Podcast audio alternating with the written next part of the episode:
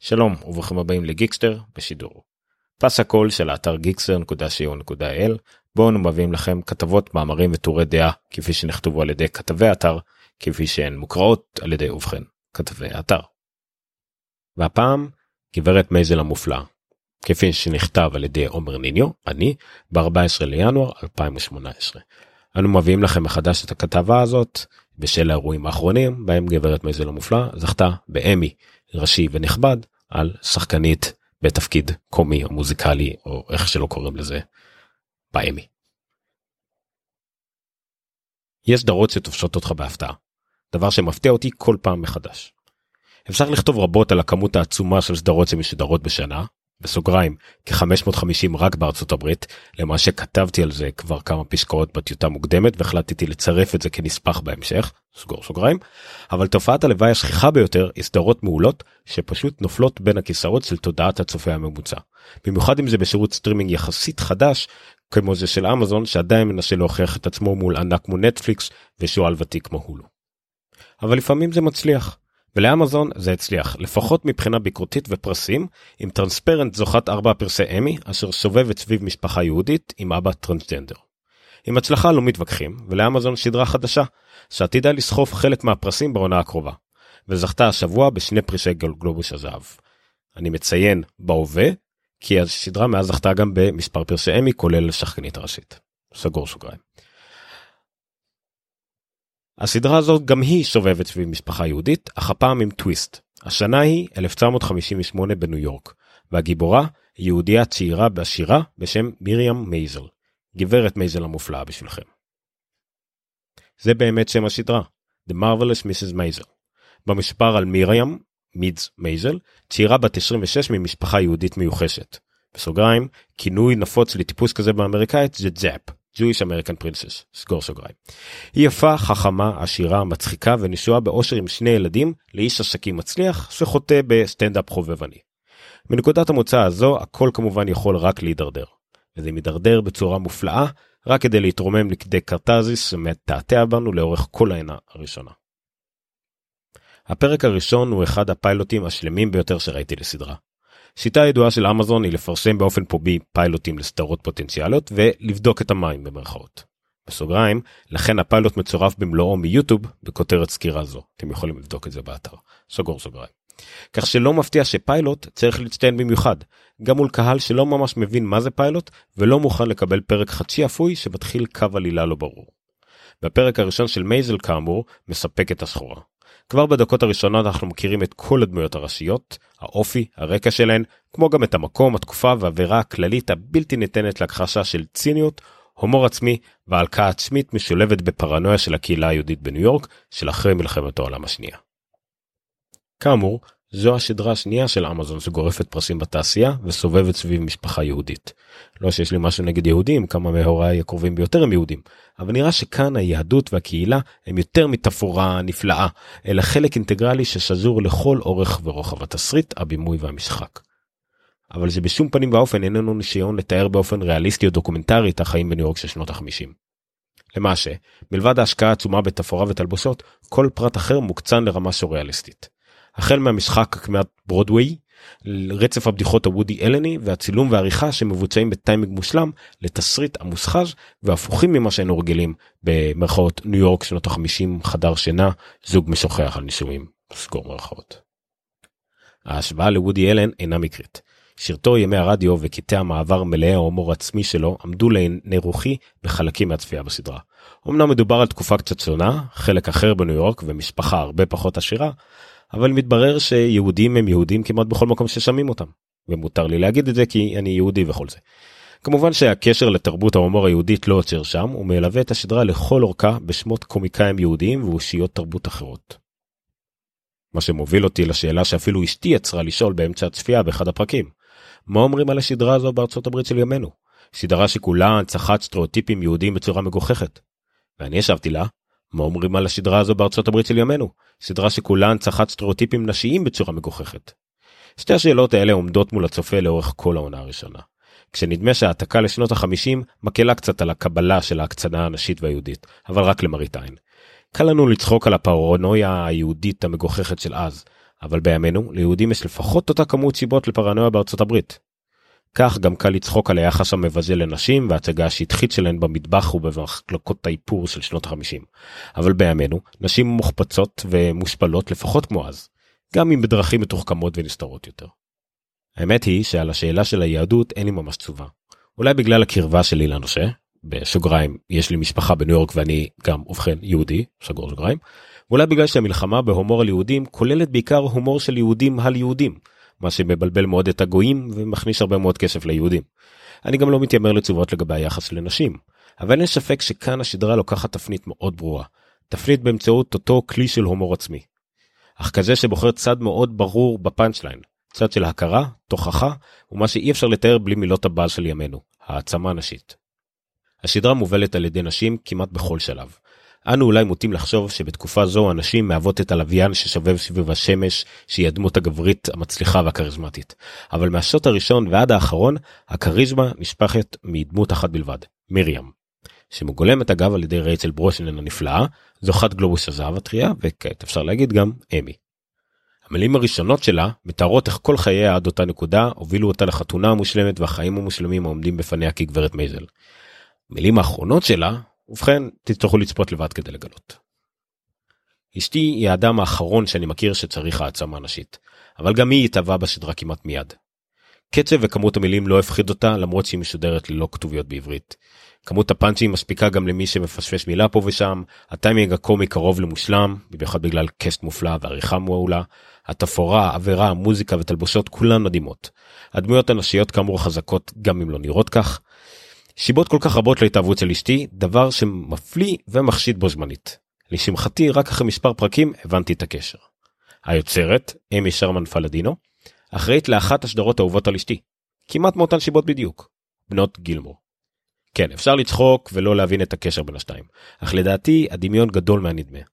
אמנם לא עקבתי באדיקות אחרי בנות גילמור, אבל ניתן לראות את קווי הדמיון רק מתיאורי העלילה. אישה צעירה שהשפיקה הרבה בגיל צעיר, מורדת במסורת המשפחתית, עם הורים מסורתיים עשירים שגרים קרוב בחיים פטריארכליים למראית עין. קהילה כמעט סגורה של טיפוסים אקסנטרים, אם חד הורית צעירה שאחראית לגורלה, ויחד עם בתה מתארות מודל של אישה עצמאית וחזקה. אני כמובן מפשפש הרבה דברים ולא מתיימר לכתוב עכשיו uh, סמינר מנומק, אבל עם הרגשה קשה להתווכח. וכשאמרתי לאשתי על הקשר בין הסדרות, עלה על שפתיה חיוך רחב.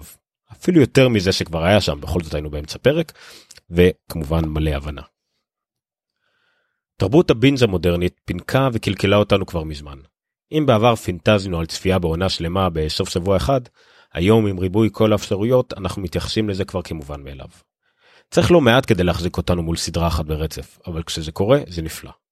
בגברת מייזל המופלא צפינו במולה ב-36 שעות סוף השבוע. ללא שום הרגשה של עומס, ללא צורך לקחת הפסקה ועם מינימום הפסקות פיפי כדי לא לפספס אף בדיחה, ניואנס או תנועת מצלמה. אני לא טוען שהסדרה מושלמת, אה, אני לא מדמיין אותה מצוינת בספרי ההיסטוריה בנשימה אחת עם מדמן אה, או שובר שורות, אבל היא לא ספק בית ספר לכתיבה מושחזת, יצירת דמויות עגולות ומתפתחות, בסוגריים ברצינות מעולם לא הצטיינתי מדי בשיעורי תסריטאות אבל תהרגו אותי מצאתי דמות תוכחת בסדרה מבין הדמויות המרכזיות סגור סוגריים וגם כמובן משחק שתואם בדיוק את דרישות התפקיד. אני מאוד מקווה שהסדרה תמצא הפצה מקומית בישראל. בניגוד למצב בנטפליקס אני לא ממש בטוח מה המדיניות של אמזון להפצה כאן או במדינות אחרות. לדעתי אם תרגום הולם לעברית קהל היעד שלה בישראל יהיה רב ומגוון. גם אם יש לא מעט רפרנסים ודמויות אורח אמיתיות או מומצאות ששזורות בתרבות האמריקאית. הרי שהרפרנסים היהודיים והתרבותיים של כולנו שזורים שם לא פחות. אני יכול להוסיף כעת מספר חודשים לאחר שכתבתי את הביקורת הזאת ולאחר שהשדרה זכתה גם בכמה פרשי אמי שעדיין אין הפצה מסודרת בישראל מעבר לשירות הוידאו של אמזון. עדיין ניתן לצפות את זה בזה שם לדעתי גם בפרק הראשון עדיין אפשר לצפות ביוטיוב אבל לצערי עדיין ללא תרגום רשמי בעברית נשאיר את זה ככה. נספח א', כמה מחשבות על הדמויות שמהוות גם סוג של ספוילרים, ולכן שמרתי אותם לסוף. האבא, טוני שלוב, או שלוב, אני לא באמת יודע איך קוראים לשם משפחה שלו. Uh, טוני זוכה שלושה פרשי אמי ומועמד לעוד חמש על תפקידו כמונק בסדרה באותו שם. טוני שלוב משחק בצורה נפלאה את אב המשפחה, הגאון, הקשוח והנרגן שמתברר כפודל חביב מעורב באירועי גרמני מרתיע כשמדובר בביתו. הטיימינג הקומי שלו והגשת הטקסטים מזכירה לנו שוב למה הוא זכה בכל הפרסים האלה ולמה עד היום הוא אחת הדמויות הכי זכורות מגברים בשחור שאיננה וויל סמית או ג'וק. מרים רייצ'ל ברושנן פרצה דווקא בשירות המתחרה נטפליקס כדמות זונה סימפטית ומפוחדת בסדרה בית הקלפים. התפקיד שלה כאן כל כך שונה שזה הצריך ממני מספר חיפושי תוכחה בגוגל כדי לשיים את הוויכוח עם אשתי. זכתה בגלובוס הזהב בזכות עולו וחסד ומגלמת באופן נפלא את רוח התקופה וזורקת את הצופה בקלילות לתקופת הסקרובול קומדי רק ללא צורך בעזר גברית כנגדה. כאמור אפשר להוסיף היא גם זכתה באמי אה, ממש לא מזמן לפני כמה שבועות. סוזי אלכס פורסטיין משחקת את מי שהכי קרובה לעזר כנגדה של מרים דמות כמעט א-מינית שהבדיחות על גובריותה מצחיקות ומטרידות בו זמנית. גם היא הייתה מועמדת למספר פרסים עד שקשה לדמיין שמדובר במי שמדובבת את לואיס גריפין מאיש משפחה. האימא, מרין הינקל, מגלמת את הסטריאוטיפ המושלם של האימא היהודייה העשירה והמגוננת, החל משיחות על גודל המצח של התינוקת הטריה, ועד התכחשות מוחלטת למציאות שסוטרת לה בפנים. גם היא תעבור מסע בעונה, אבל נראה שרק התחלנו אותו. הורי החתן מגלמים בצורה מסוימת את ההפכים להורי הכלה. את כספם השיגו בעבודה קשה משולבת בחוצפה יהודית, וגם כמה שקרים לבנים, כולל על שואה, ומשמנים את הנובורישיות של הכלכלה האמריקאית שאחרי מלחמת העולם. גם כאן משחק מדויק לדעתי, גם אם התסריט לא ממש פרץ גבולות לגבי דמות ההורים, אבל הבהיר טוב את מקומם ותפקידם. לני ברוס מלבד כמה אזכורים של דמויות אמיתיות מהתקופה, לני ברוס, שנפטר ב-1966 ממנת יתר בגיל 40, הוא היחיד שמקבל כאן דמות מקבילה, מגולמת על ידי לוק קירבי, גם אם לא ממש מעוגנת בעובדות. האמת היא שמכל הדמויות הוא היחידי שמרגיש כחיקוי של השחקן האמיתי, אבל תפקידו בעלילה הוא בהחלט לא גימיק ונותן לטעמי חיזוק לאבסורדיות של המצב הקיומי של מרים בסיפור. נספח ב' מחשבות זמניות על סטרימינג התחלתי לצפות בכמות ניכרת של טלוויזיה בשנות ה-90 הנפלאות של ערוץ המשפחה ולעקוב אחרי טלוויזיה אמריקאית עוד קודם.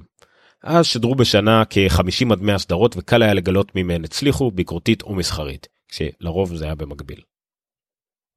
מאז הצטרפו ערוצי הכבלים האמריקאים להפקת סדרות איכות, כמו הסופרנוס והסמויה, מה שיצר את תור הזהב הראשון, וכולנו ברחנו בתוכן איכותי כדי להעביר את הזמן במקום ללמוד לתואר מהנדס.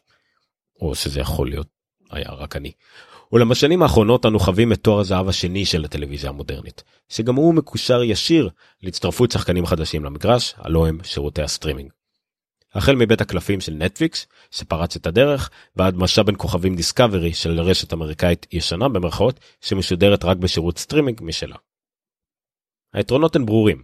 כמויות עצומות של כסף נשפכות על כמויות גדולות של יוצרים שלא מצאו את מקומם בעולם הישן.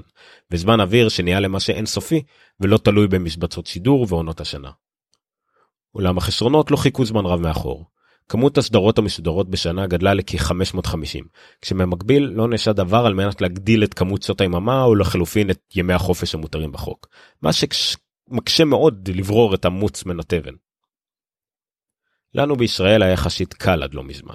היינו כפופים להסכמי הפצה שחתמו הוט, יש, הרשות השנייה או רשות השידור עם חברות ההפקה בעולם. אך החיבור המהיר לאינטרנט הרחיב לנו את מבחר האפשרויות עם תכנים שפשוט לא נרכשו בארץ, וכעת שירותי הסטרימינג של נטפליקס ואמזון שהגיעו באופן חוקי לישראל, והביאו עמם המון תכנים מקוריים ואיכותיים. מה שמרחיב את אפשרויות הצפייה גם של הצופה הישראלי, הלא דווקא מתקדם טכנולוגית. נראה שעל נטפליקס כולם מדברים היום. במיוחד כי מיהרו לעברת את הממשק ולתרגם את רוב התכנים. נדמה שהתכנים בארץ מוגבלים יותר מאלו שבמדינות אחרות ובמיוחד ארצות הברית, אך את תכני המקור של נטפליקס כולם יכולים לראות והם לדעתי העיקר. התוכן שמופק במיוחד לצרכי סטרימינג על ידי חברת סטרימינג עצמאית. אמזון היא שחקן חדש יחסית בתחום מבחינת הכמות, אך גם מבחינת האיכות והשקעה בהפקות מקור. למרות שלמעשה אמזון די ותיקה, בתחום ואני למשל מחובר לשירות מ-2012. הצמיחה האמיתית שלו אבל התחילה רק לאחרונה יחד עם תכני מקור מושקעים כאמור. לכן ככל הנראה שלאמזון צפוי עוד עתיד מזהיר בתחום כולנו תקווה שהתכנים החדשים יתורגמו גם לעברית בעתיד כשבאופק מחכה לו עוד שירות סטרימינג אימתני שממתין לעלות הלא הוא שירות של אפל. ולא נתחיל לדבר על דברים חדשים שלמדנו בחודשים האחרונים מאז שפורסמה הכתבה במקור כמו שירות סטרימינג של דיסני שכנראה יהיה מורכב משניים שלושה שירותי סטרימינג שונים שגם הם יהיו בינלאומיים ועל דיסני אפילו לא כדאי להתחיל לדבר על כמות התכנים שלהם. וקאט. זהו. עד כאן גיקסטר בשידור, פס שקול של האתר גיקסטר.co.il מבית רפי, רשת פודקאסטים ישראלית. את כל הכתבות, מאמרים וטורי דעה תוכלו למצוא כאמור בגיקסטר.co.il ואת פרקי התוכנית ההקלטות תוכלו למצוא בגיקסטר.רפי.מדיה שם גם תוכלו למצוא את כל דרכי ההאזנה והרשמה לתוכנית. את גיקסטר תוכלו למצוא גם בפייסבוק ובטוויטר פשוט חפשו גיקסטר באנגלית G-E-E-K-S-T-E-R או בעברית. את רפי תוכלו למצוא גם כן בפייסבוק פשוט חפשו רפי רשת פודקאסטים ישראלית או באתר רפי.מדיה. אנחנו מאוד נשמח אם תוכלו לספר על התוכנית לחבר או שניים שהתעניינו בזה שמעוניינים אה, לשמוע את הכתבות שלנו לא רק לקרוא אותם או בכלל מתעניינים בתחום ומעולם לא ביקרו אצלנו. אה, תדרגו אותנו ב iTunes ב Overcast בפודקאסט ב Podcast Addict בכל מקום שאפשר לדרג נשמח אם תוכלו לדרג ולספר עלינו ולהעלות את התפוצה ואת המידע על התוכנית הזאת. תודה רבה לכם עד כאן.